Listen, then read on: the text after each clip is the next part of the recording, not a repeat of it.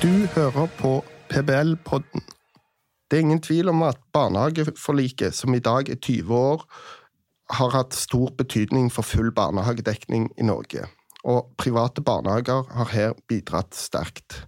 I tillegg til at eh, man fikk full barnehagedekning, så ble det innført en makspris som gjorde at alle barnefamilier, uavhengig av inntekt, kan velge barnehage.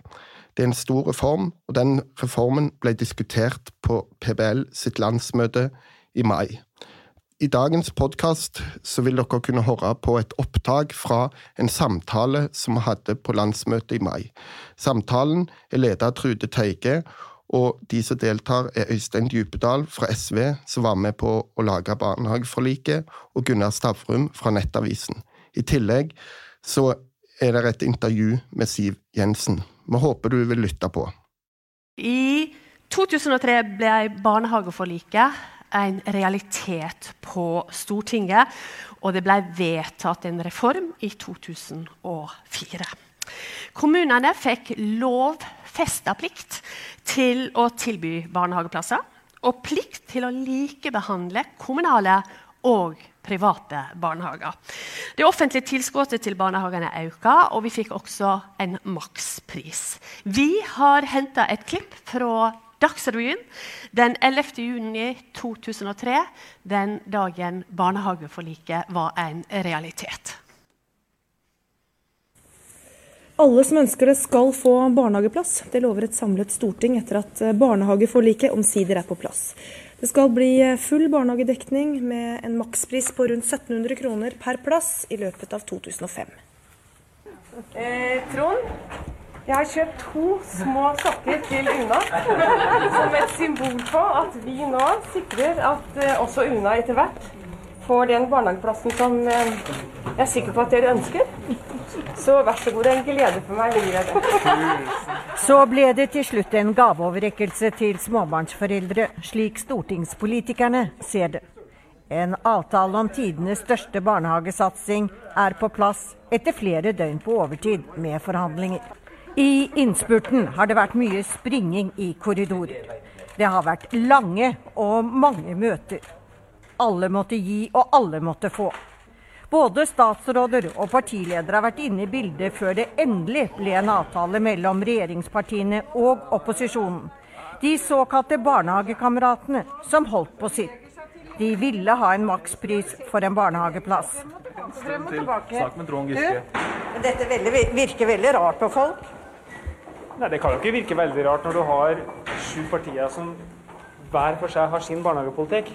Men Nå har dere holdt på sånn i flere uker, tross alt. Ja, men det er altså, Bruke to og en halv uke på å få sju partier, hele Stortinget, enige om en barnehagepolitikk, det er det verdt, altså.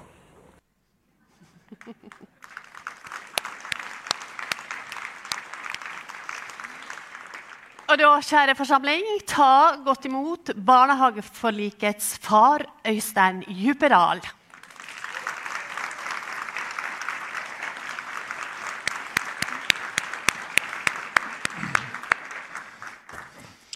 Jeg merka her Øystein, at det var mange som lo litt. Og jeg tror ikke det var for det, det som ble sagt, men, men, alle vær så god, men alle, alle så så mye yngre ut. Ja. yngre, penere og slankere. sånn er det. Og den vi så mest av her, var jo Trond Giske.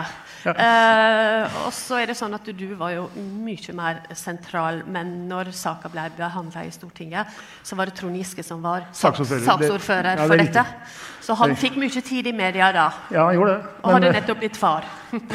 ja. Det starta jo to år før. Mm. Hvis en skal ta den lange historien, så starta det jo egentlig i 2001. Når stortingsvalgkampen foregikk, så var det mange partier som lovte mye på barnehager. Men det skjedde ingenting. I Bondevik sitt første budsjett så var det ikke satsing i det hele tatt. Og da fikk jeg den ideen at det eneste partiet som ikke hadde lovt noe som helst på barnehager, det var Frp og Siv Jensen. Så da ringte jeg til min partileder Kristin Halvorsen om jeg kunne snakke med Siv Jensen for å se om vi klarte å bli enige om en ramme for barnehagepolitikken. Og det, Da satt vi på nattestid hele høsten og forhandla frem en barnehageavtale mellom SV og Frp. Mm, men vi skal gå litt ja. enda lenger tilbake, for vi skal ja. begynne med begynnelsen. og det, jeg tenker, Hvor, hvor kom den tanken fra hos deg? Hvorfor var du så opptatt av barnehagepolitikk? Jo, Det henger sammen med at jeg fikk mitt første barn i 1988, og så fikk jeg et barn i 1990, og de fikk ikke barnehageplass. Og jeg tenkte at Hvordan i himmels navn er det mulig at vi i dette velfungerende samfunnet vårt ikke er i stand til å, å få barnehageplass til barna våre? Og når jeg kom på Stortinget da i 1993, så jobba jeg egentlig for det hele tida og tenkte mer og mer på hvordan man skulle sørge for at man fikk en reform som gjorde at alle barn i Norge kunne få barnehageplass. Mm. Før den tida var det jo noe jeg vet ikke om salen husker det engang, altså, men det var noe som het dagmammaer. Og de var svart betalt eh, de, eh, og var en slags underklasse i norsk arbeidsliv. Eh, og, de, og, Vi hadde jo dagmamma, selvfølgelig vi også. Jeg kom på Stortinget og hadde dagmamma. Jeg ble konfrontert med at jeg hadde svart arbeid. Og det hadde jeg jo, for de ville ikke, ha, de ville ikke registrere seg som uh, arbeidstakere. Ikke fikk de pensjon, ikke fikk de sykepenger, ingenting. Så det var en del av bakgrunnen for at hvorfor jeg var så opptatt av barnehagepolitikk. Jeg tenkte dette må vi få til. Mm. Og så fikk jeg den muligheten i 2001, og det var egentlig en, en, en ganske uvanlig tanke at SV skulle gå til Frp. Men det var rett og slett fordi at da tenkte jeg at hvis Frp ble med på dette, så kan de andre partiene ikke la være å være med. Mm. Og det var jo riktig tenkt. Men du, du drev og traff Siv Jensen i smug i to ja, år? Ja, gjorde det.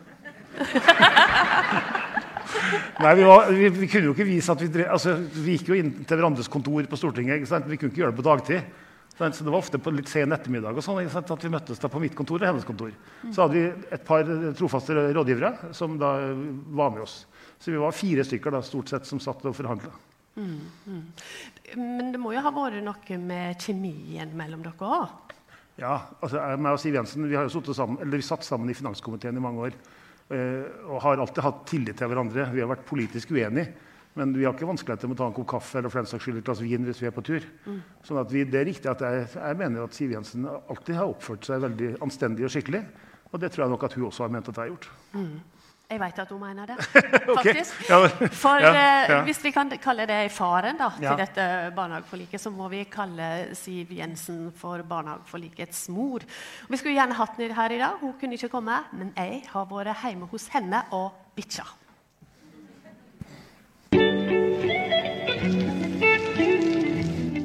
Husker du første gang Øystein Djupdal tok kontakt med deg for å få til en barnehagereform og et forlik med Frp? Ja. Det husker jeg veldig godt. Han, eh, han, var litt kryptisk, men han sa at vi, jeg har en veldig god idé. Eh, og kan ikke vi sette oss ned og snakke litt fortrolig? Og når du hørte hva det var for noe, da, hva, hva tenkte du da? Jeg tenkte å, dette er superspennende. Her kan vi gjøre noe helt unikt. Eh, men jeg var jo nødt til å skaffe meg ryggdekning i eget parti først. Altså får jeg lov til å gå i gang med dette? Og det fikk jeg. For jeg tror alle så eh, at det var behov for å gjøre noe for barnehagesektoren. Og det var jo spesielt at eh, SV på den ene yttersiden og Fremskrittspartiet på den andre satte seg ned i all hemmelighet eh, og meislet ut grunnlaget for det som ble barnehageforliket. Men du må jo også ha tenkt da, 'what's in it for me'? Hva var det Frp så de kunne få til, da? Det er jo sånn i alle kompromisser så må man gi for å få. Ehm, så SV kom jo inn i det med ting de var opptatt av.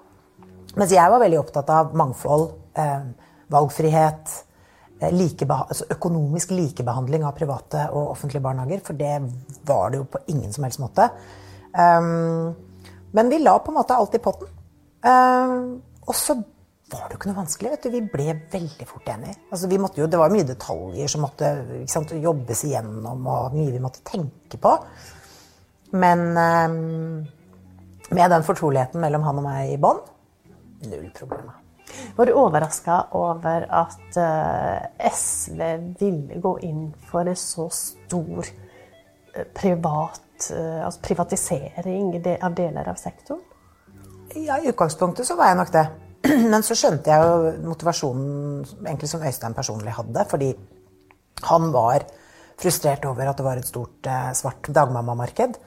Altså, det var jo veldig få barnehageplasser tilgjengelig. Og barnefamilier generelt sleit jo for å um, få eh, altså, hverdagen til å gå opp. Så det var behov for å gjøre noe som på en måte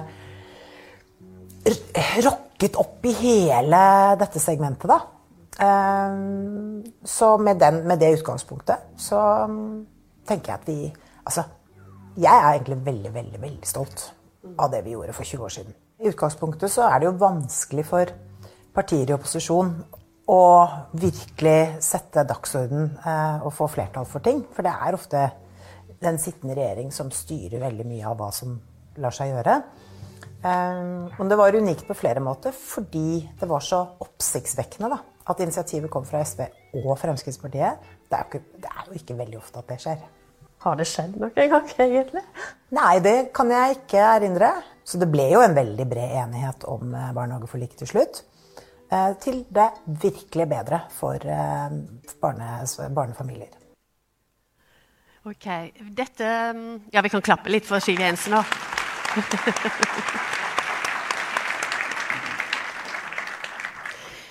Dere var på hver sin kant i dette politiske landskapet. For, bare for å minne forsamlinga på dette her, Jeg gikk jo tråkka der oppe og prøvde å finne ut om dere treftes eller ikke. treftes. Ikke sant? Det var ingen journalister som klarte å finne ut av dette. her. Men jeg husker jo at dette var jo Bondeviks samarbeidsregjering. Så det du måtte få til Du var i opposisjon. Siv var også i opposisjon. Og opposisjon måtte få til et flertall. ikke sant? Uh, ville ikke det da være mye mer naturlig at du først gikk til det store Arbeiderpartiet? Det var ingen grunn til å tro at Arbeiderpartiet ville være med på en sånn reform. Uh, fordi vi var interessert i makspris, og vi var interessert i full utbygging. Uh, og så kom jo likebehandling, som var Siv Jensen sitt, sin andel i, måte, i forliket. men Arbeiderpartiet ville aldri ha gått inn på en så stor reform sammen med oss. Og vi hadde jo heller ikke flertall. Så min idé, som viste seg jo var veldig godt tenkt, var at hvis Frp ble med, så kunne ikke Arbeiderpartiet la være å bli med. Og jeg husker veldig godt det øyeblikket, fordi at makspris var en veldig kontroversiell ting den gangen. fordi at det, altså, Prisen var jo himmelhøy. Men vi ønska makspris, som da var nesten en halvering av, dagen, av den satsen som var. Og jeg husker det øyeblikket da vi hadde sittet på et møte i finanskomiteen, og så kom eh, Akkurat som jeg har et veldig godt forhold til Siv Jensen, så har jeg et veldig godt forhold til Hill Marta Solberg, som også satt i finanskomiteen. Alle disse damene. Ja, ja, ja, det, Hva skulle vi gjort uten dem? Nei, Så trakk Hill Martha meg til side og så sa vet du, Øystein, at eh, nå går vi inn for makspris. Og Jeg tenkte inni meg, at jeg var altså så lykkelig, for da skjønte jeg at vi hadde fått til barnehageforliket. Da hadde du et flertall? Da hadde vi flertall, og maksprisen var det aller viktigste for å få til dette brede forliket. Mm. Og Da gikk Arbeiderpartiet inn for makspris. Siv Jensen hadde allerede gått inn for makspris eh, altså i våre samtaler. Så da var det jo egentlig bare sånn som Siv sier, altså da var egentlig alt lagt.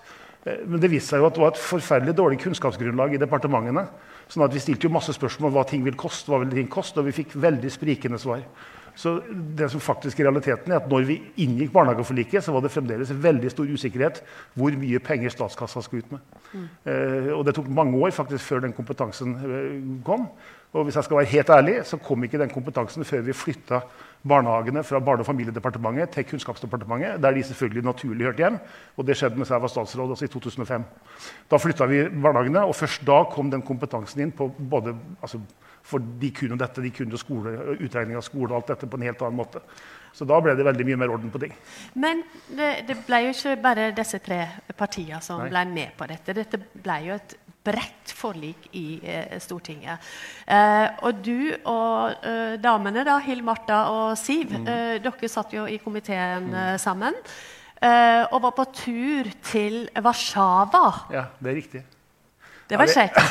ja, Det er en ganske morsom historie. fordi at Som denne filmen viste, så ble jo barnehageforliket gikk jo i barne- og familiekomiteen. Og Trond Giske var saksordfører. Men de var uenige om mange ting. Men vi som har utmeisla barnehageavtalen, vi var enige. Så var finanskomiteen på tur til Warszawa. Så fikk vi faretruende meldinger om at de forhandlingene i komiteen holdt på å bryte sammen. Eh, og vi trodde det var en mottagelse eller et eller annet i Warszawa. I hvert fall så kom ambassadøren og sa at vi kunne få et rom oppå det hotellet vi var. Og så sendte han med oss en flaske vin, og så sendte han meg og Siv og Hill Martha og gikk vi opp. Og så satt vi der og ble enige, vi tre, om at det vi var enige om, var vi enige om. Og de i Oslo hadde ikke anledning til å gå bort fra det vi var enige om. Så ringte de tilbake og sa at nå må dere slutte å tulle. Nå må dere bare holde fast på det vi, vi tre partene var enige om. Og når vi kom ned fra det rommet, da, så må jeg jo si det var Ranveig Frøyland, som også var en, en vittig tunge i Arbeiderpartiet, som sa at her, her kommer partene i Warszawapakten. Så den, den der hotellavtalen vi da gjorde i Warszawa, den ble da senere kalt Warszawapakten av Anne Frøyland. Men det var viktig, for da ga vi beskjed om hvem som egentlig bestemte. Det var ikke barne- og familiekomiteen som bestemte hvordan dette skulle være. Vi hadde forhandlet dette frem, og de hadde ikke anledning til å dispensere fra det. Så da ble det mer orden. Og, så kom og det var jo selvfølgelig også en, en stor usikkerhet etter, for da kom regjeringa ble jo med. De hadde jo kjempa imot barnehageforliket, altså de som satt i regjering med Bondevik i spissen. Og Høyre de var veldig imot barnehageavtalen Fordi at det kosta altfor mye penger. De hadde ikke tenkt å bruke penger på dette, de skulle bruke penger på noe helt annet. Men gjennom disse forhandlingene så ble de tvunget på plass. Og det var det som skjedde i den barne- og familiekomiteen. At de hele tida prøvde å utvanne avtalen.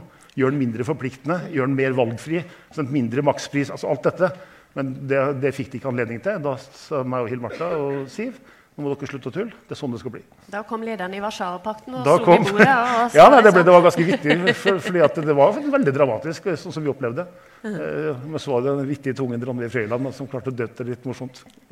Du, Vi skal uh, ta inn en ny gjest. Uh, det, det som er veldig hyggelig med å få lov til å jobbe for PBL eh, og lede disse konferansene, er at jeg, jeg treffer hele tida folk fra mitt tidligere liv.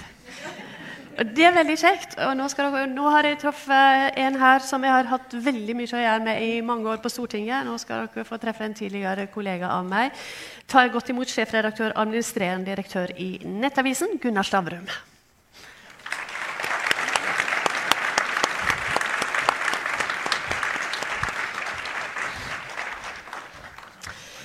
Ja, Gunnar, eh, du har sittet og hørt på denne her historien. Det er en fornøyelig historie som vi gjerne skulle vært på innsida av som journalister når det skjedde. Det var nytt for meg at du og Siv Jensen hadde et forhold på si i to år, og at du etterpå dro til Warszawa og drakk vin med de samme damene på hotellrommet.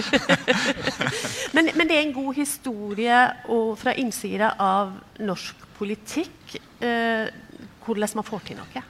Ja, og det, eh, jeg tenker at eh, Dette er jo norsk politikk på sitt beste. Eh, for det, det er ofte sånn at, at vi ikke erkjenner at i Norge er de, selv også de politiske skillelinjene veldig små. Altså, det, det, er bare grader av forskjell mellom partiene.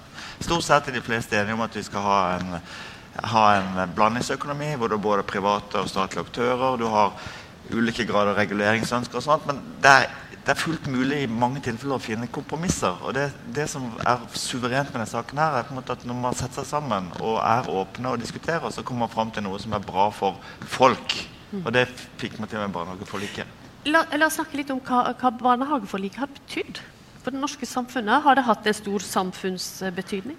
Ja, er du gal? Altså, eh, du fikk ditt, ditt eh, første barn eh, da dette var et problem. Jeg fikk et, mitt første barn mens det var et kjempeproblem, nemlig i 89. Jeg husker hvor fortvilende det var å ikke få barnehageplass. Altså, da var jo normalen som i dag at eh, begge foreldrene jobber og trenger barnepass. Vi bodde i Bergen.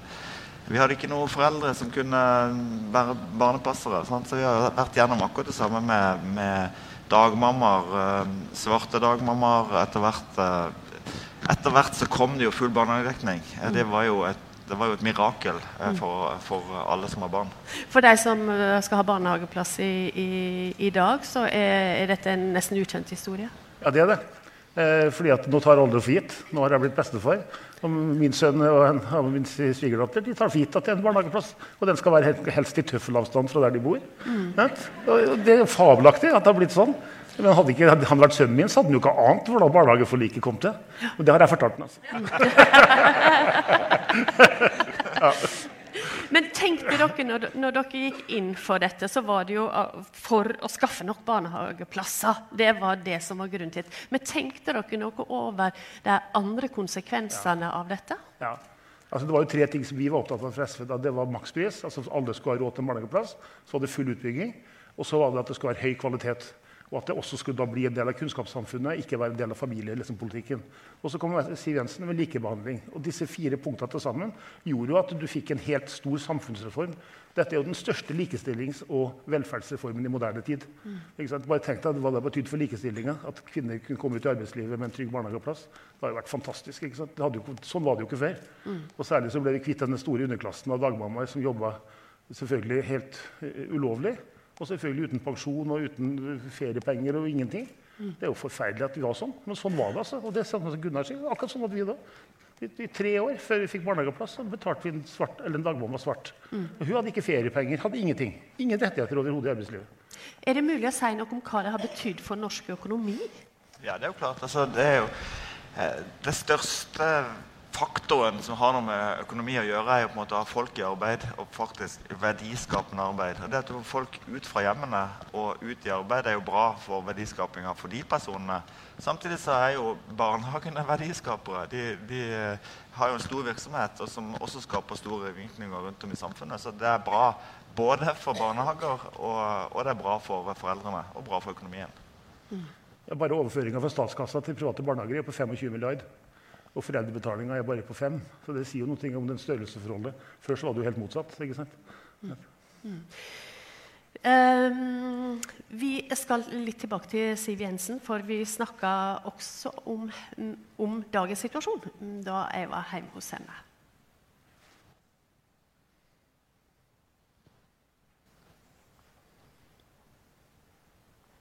Du, vi må snakke om situasjonen i dag for norske barnehager. Um, en rekordstor del av private barnehager, altså fire av ti, går med underskudd. Det er private, da.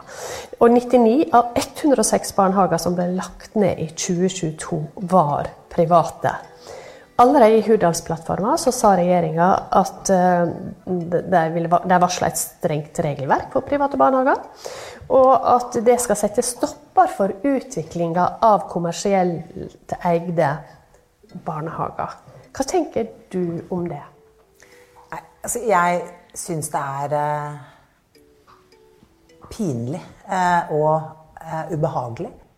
Fordi barnehageforliket um, gjorde at også venstresiden i norsk politikk kunne skinne og skryte av full barnehagedekning, av lavere barnehagepriser Eh, foreldrene var jo fornøyd. Det var de private barnehagene som i det alt vesentlige bidro til at det ble full barnehagedekning. Og det er heller ikke sånn at de ble underlagt andre vilkår. De hadde akkurat de samme kravene og kriteriene på seg som offentlige barnehager hadde. Eh, men de gjorde ganske mye unikt som gjorde at hele sektoren i dag ser annerledes ut. Eh, det er et bedre tilbud, det er mer bedre mat. Altså alt har blitt løftet standardmessig. Eh, som følge av dette forliket. Og jeg syns at det er rett og slett litt uredelig når du først har vært med på å legge de rammebetingelsene i bordet.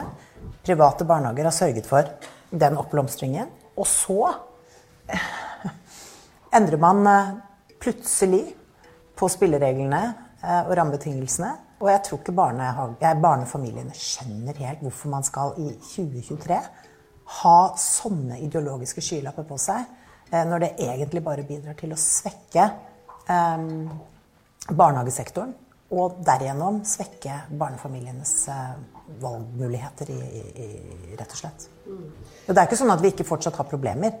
Det er jo noe med når, når, på året barnet ditt blir født i forhold til tilgangen på en ny barnehageplass, og det blir jo ikke flere nødvendigvis av at det private eh, må legge ned som følge av at rammebetingelsene deres blir dårligere. Et viktig eh, punkt for regjeringa er å gi kommunene større makt. Eh, blant annet skal de kunne da overstyre foreldre sine valg av barnehage, som du var inne på. Og også når det gjelder dette med finansiering. Eh, er det rett vei å gå å gi kommunene større makt?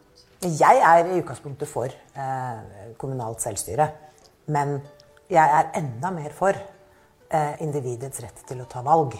Eh, og jeg skjønner rett og slett ikke hvorfor det er så viktig at kommunene skal kunne overprøve foreldrenes eh, ønsker eh, når sektoren i utgangspunktet fungerte helt utmerket. Men her har man jo dessverre sett en utvikling over tid. Eh, også Høyre eh, har jo bidratt til å stramme kraftig inn på dette. Og det var jo motstand mot det vi opprinnelig ble enige om i barnehageforliket, nemlig altså statlig eh, finansiering og likebehandling. Så det var jo ikke så veldig mange årene etter at det ble gjort endringer um, i favør av kommunene. I den politiske debatten i dag, alltid når vi har debatter om barnehagepolitikk, så er det et begrep som blir kasta fram av venstresida. Da tenker jeg først og fremst på SV og på Rødt. Og det er ordet velferdsprofitører. Og nå ser jeg at du smiler litt. Det er ikke et ord som du er veldig glad i? Nei, og jeg syns det er eh, Altså, man setter en ganske stygg merkelapp på mennesker som har eh, investert eh, pengene sine i å skape, skape noe. Skape arbeidsplasser. Eh, skape bedre velferd for samfunnet. Altså, vi, vi, vi, har ikke råd til å holde oss med et samfunn eh, som bærer mer og mer preg av monopol, og at det offentlige skal styre og eie og kontrollere alt. Men bør man hindre eh, store utbytte ut av barnehagesett? barnehagesektoren? Men det er jo gjort for lenge siden. Eh, pluss at det er en myte at det tas så kraftige utbytter ut av disse barnehagene. Det er en myte. Det er ikke sant. Og sannheten er jo at eh, veldig mange av de private barnehagene har vært drevet egentlig på ren idealisme. Eh, uten, altså, mange har gått med underskudd, selv med bedre rammebetingelser. Eh, eller knapt fått det til å gå rundt. Og jeg tror de har sittet og liksom ristet litt på hodet over å bli stemplet som velferdsprofitører når de aldri har tatt ut en krone i utbytte og drevet dette for ganske liten eh, lønn, rett og slett. Frykter du at den enigheten som uh, dere fikk til da, i 2003, at uh, den er i ferd med å smuldre opp? Den er for lengst smuldret opp. Hva bør skje da?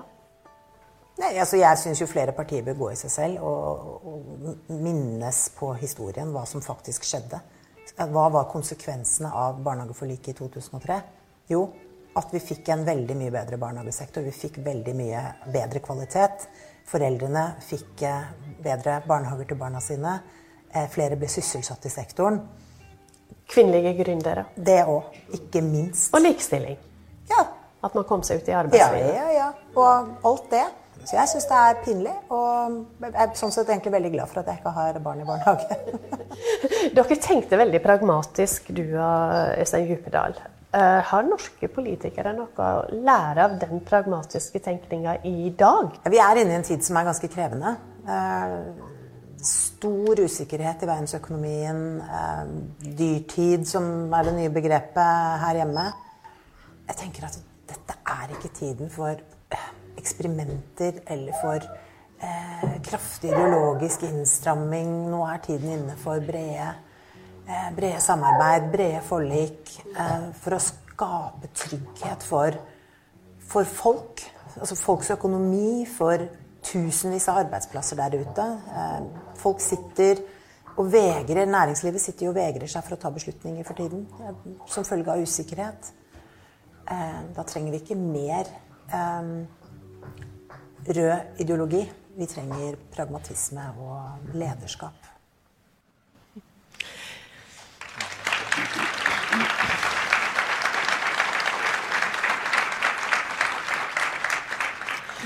Uh, Siv Jensen gjorde det veldig klart for meg når jeg var hjemme hos henne, at hun er helt ute av norsk politikk. Uh, men, men uh, hun var veldig lett gjenkjennelig som den politikeren hun var, Øystein. og du klappa for henne, men du klappa jo ikke for alt hun sa. Selv om du har meldt deg ut av SV og over i Arbeiderpartiet, så er jo du fortsatt en del av det røde. Ja, nei, ikke medlem av noe parti, faktisk. Men nei, det som endra seg fra 2000 og tre til nå er at Den gangen så var de private barnehagene hovedsakelig eh, altså ikke kommersielle aktører, men, men idealister. altså type, Norske Kvinners Sanitetsforening og den typen ting som drev barnehager. Eh, det som har endra seg veldig, er at de store kommersielle kreftene har kommet inn i barnehagesektoren. Utenlandske pensjonsfond som kjøper opp eiendommer her, eh, og som også går med store overskudd. Så den Kommersialisering av sektoren er jo det som har endra seg fra den gangen vi inngikk barnehageforliket. Mm. Så den private delen av si, private barnehagers, eller private barnehager er, er, det innholdet har endra seg. Og det er klart at det er jo det Stortinget ser. Mm. Stortinget ser jo at det er noen som tar veldig mye penger ut av barnehagene. Selv om de tar de av eiendommen og ikke av driften, så er jo dette stort sett de samme pengene. Og Derfor er dette forskjellig fra at vi inngikk avtalen vår i 2003. Mm. Eh, de kommersielle eh, aktørene eh, har en helt annen dominans nå enn før. Og nå er jo dette markering av et jubileum og en hyggelig ja. samtale. Men, ja, ja. Jeg, men, jeg, tenker at det, det, bare, skal, det, det var altså mitt svar til Siv Jensen i akkurat dette. Den endringa er der som ikke var der i 2003. Men bare, altså, nå bare sier jeg det er grunnen til at det har blitt nok Men jeg vet at jeg kunne få full fyr her hvis jeg ville altså, ut ifra det du sa. Nei, mitt poeng er at det, har endra seg fra den gangen vi inngikk barnehageforliket. Og det gjør at mange på Stortinget og mange i den offentlige debatten har litt annet syn på det nå enn den gangen. Ok, Men Gunnar, du må få lov til å si det du sitter og brenner etter nå. jeg vet det. Så får vi begge sider av det. Jeg tenkte jeg skulle egentlig begynne et litt annet punkt. for Nå hadde jo eh, Arbeiderpartiet landsmøte i helga. og Så gjorde de faktisk et vedtak om, eh, om barnehager. I det vedtaket så står det at uh, i Norge har vi en blanding av private og kommunale barnehager som bidrar til et mangfoldig tilbud. Det er det eneste de sier om private barnehager versus offentlige. og det det leser jeg dit hen at i Arbeiderpartiet så er det ikke noe sånn De skiller ikke mellom ideelle og kommersielle barnehager. De snakker om private, og de, de anerkjenner at det er nyttig å ha både private og offentlige barnehager. Og så er det sånn, Hver gang politikere og økonomer begynner å snakke, så blir økonomien fort politikk, og politikken blir fort økonomi. Og hvis jeg skal bare fyre opp litt, da, så tenker jeg at en del av den, eh, av den retorikken som eh, Den er litt dårlig økonomisk fundert. fordi at hvis en kjede selger en haug med eiendommer til svenske spekulanter. Og, og, verdien, og, så får de jo pengene fra de svenske spekulantene, ikke fra norske foreldre eller politikere. Og så Det som har skjedd etterpå, er at de som kjøpte disse, disse eiendommene, de har jo tapt enormt med penger pga. Rente, renteendringene. sånn at, sånn at de, Vi får egentlig bukke og takke de svenske spekulantene som har gitt oss disse milliardene. Og de har ikke gått på bekostning av barna, foreldrene eller staten, etter mitt syn i en blanding av et økonomisk og politisk perspektiv. Ja. Mitt poeng er bare at jeg er for at vi har private barnehager. Eh, det lå som en premiss for barnehageforliket. Mm -hmm. Og denne, si, det at de private barnehagene eksisterer, det syns jeg alltid har vært fint. Og de har et veldig verdifullt bidrag. Både til å få full Hadde barnehageforliket vært mulig å gjennomføre hele den reformen uten de, disse som sitter i salen? Nei, ikke i det hele tatt. Og det, mer enn halvparten av barnehagene i dag er jo private. Og det har vært en veldig viktig bit for å få til hele denne reformen. Så ære være alle de som sitter i salen som har fått til det. Eh, og ære være oss som lagde dette grunn, at dere skulle eksistere og utvikles videre. Men jeg bare prøver å si at det har kommet en tilleggsdimensjon som gjør at det, at det for stortingspolitikere og andre som er beslutningstagere i regjering og ellers, så har de plutselig noe nytt som ikke har vært der før, nemlig utenlandske investorer som går inn i barnehagesektoren. Og det er nytt. Og det er klart at det fører til noen grad av tankearbeid. Det påvirker den politiske debatten. Det, og det påvirker det det selvfølgelig den politiske ja. debatten. Ja. Det er helt riktig, og Du brukte jo innledningsvis et ord som velferdsprofitør. Og det ser jeg brukes også om barnehage, eh, altså private barnehager og disse utenlandske spekulantene. Eh, jeg har ikke brukt det ordet. Men jeg skjønner at det blir en vanskeligere debatt nå enn om jeg Siv Jensen satt på mitt kontor og forhandla for 20 år siden. Det skjønner jeg. Altså, jeg, grunnen til at jeg er en varm tilhenger av blandingsøkonomi, eh, og ikke verken for bare private eller bare offentlige tjenester, det er at jeg tror at det faktisk har en sunn, en sunn påvirkning av hverandre. For å ta et, et, annet eksempel, så tror jeg ikke Oslo legevakt hadde vært så bra som den var uten at Volvat hadde kommet og utfordra dem. Og så er ikke jeg for en ren privat eller en ren offentlig virksomhet. Eh, jeg tenker Akkurat når det gjelder barnehagene, så er det jo nokså absurd, mener jeg. at uh, det, det, det, som er ganske sikkert, det er hvor mange barnehageplasser du trenger. For du vet når folk blir født, og du vet hvor, når de kommer til å trenge barnehage. Og Da tror jeg at det er viktig å ha noen drivere utenfra hvor, hvor foreldrene og kundene får noe de skulle sagt. Sånn at faktisk barnehagene er åpne og klare for deg når du trenger dem, og ikke når det passer eh, skjemaene. Det du nå har hørt, var et utdrag fra samtalen mellom Gunnar Stavrum, Trude Tøyge, Øystein Djupedal samt eh, et intervju med Siv Jensen på PBL sitt landsmøte i mai. Tusen takk for at du lytta på, og vi håper du fortsatt vil lytte til PBL sin podkast.